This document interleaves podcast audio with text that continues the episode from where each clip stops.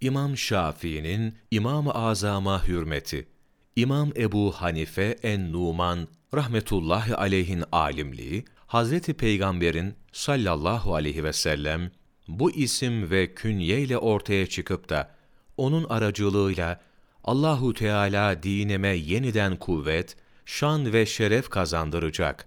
Ümmetimin alimleri içinde hakikat güneşinin kandili olup onun doğmasıyla hidayet yıldızları olan diğer mezheplerin alimleri gizlenmek durumunda kalacaktır diye haber vermesi ve onun vücudunu bütün yeryüzünün süsü ve bezeyi saymasıyla tespit edilmiştir.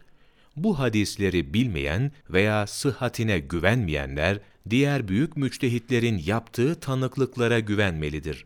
Çünkü bu tanıklıklar, sahih senet ve belki bazıları da tevatür ile sabittir. Ebu Hanife'nin rahmetullahi aleyh, ahlaki güzellikleri ve faziletleri insanlar arasında çok iyi bilinmektedir.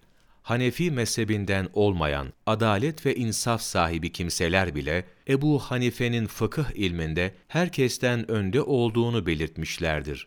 Hatta İmam Şafii Hazretleri bütün insanlar fıkıh ilminde İmam Ebu Hanife Hazretlerinin çocukları sayılır. Fıkıh ilmini hakkıyla öğrenmek isteyenler onun talebelerinden ayrılmamalıdır demiştir.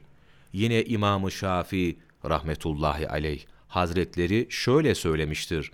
İmam-ı Malik Hazretlerine rahmetullahi aleyh Ebu Hanife ile karşılaştığınızda kendilerini nasıl görmüştünüz dediğimde öyle kamil ve inceden inceye araştıran bir kimse daha olamaz. Faraza, eğer şu direk için altındır demiş olsaydı, mutlaka delil ve tanık getirir, olması uzak görünen şeyleri güneş gibi ayan beyan ortaya koyardı.